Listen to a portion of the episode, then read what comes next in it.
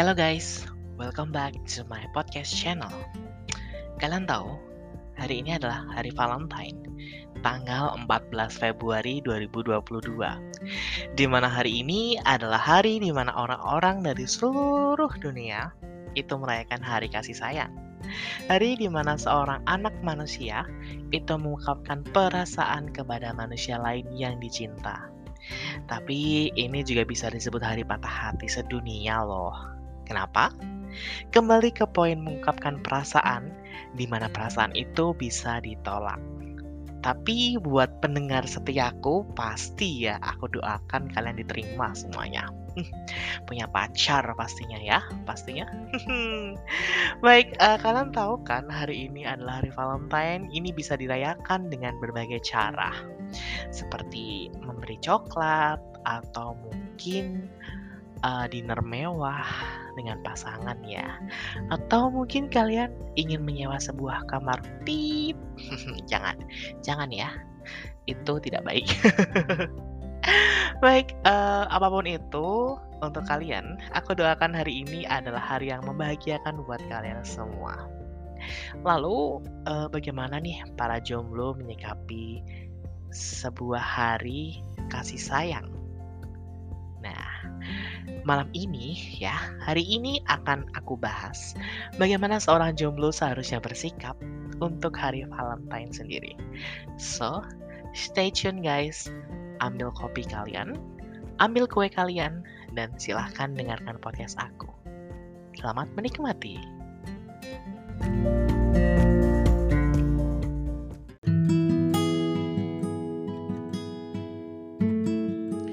Baik, yang pertama adalah melakukan me time untuk menyenangkan diri sendiri.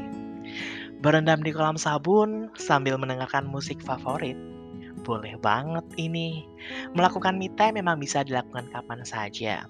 Tapi melakukan me time saat Valentine's Day itu akan terasa spesial. Hitung-hitung sebagai self reward ya, untuk menjaga sejauh mungkin dari drama percintaan. Yang kedua, ada Q time atau quality time bersama family atau teman. Nah, maksud dari hari Valentine sendiri kan uh, tidak selalu harus menghabiskan waktu dengan pasangan kan. Inti dari hari Valentine adalah menghabiskan waktu bersama orang tersayang. Keluarga dan teman adalah orang yang paling tersayang jika kalian merasa jomblo. Dan jangan khawatir, mereka pasti akan punya waktu untuk kalian.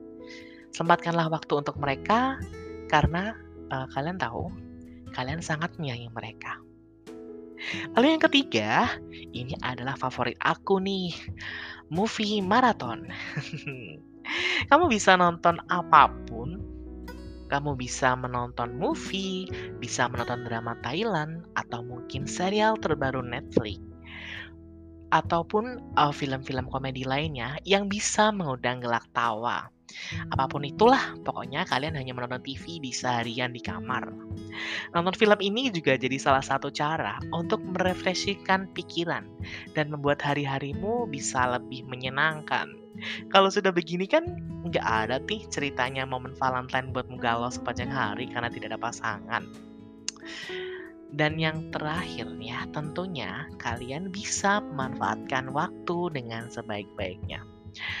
Waktu ini yang aku maksud adalah waktu menyempatkan uh, bagaimana cara kita merawat diri kita sendiri, bagaimana cara kita memperbaiki diri kita sendiri.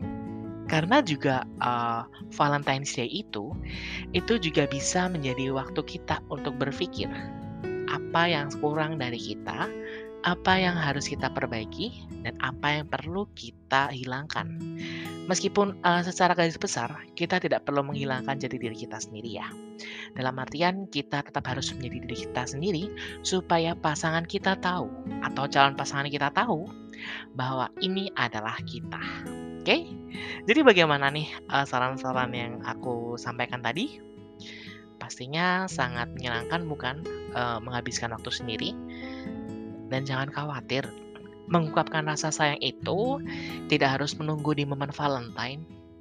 Di hari apa pun, kamu bisa menunjukkan rasa sayang dan cintamu dengan orang-orang terkasih. So, selamat hari Valentine. Semoga hari-harimu selalu menyenangkan ya. Aku Kay di sini undur diri. Selamat beraktivitas kembali.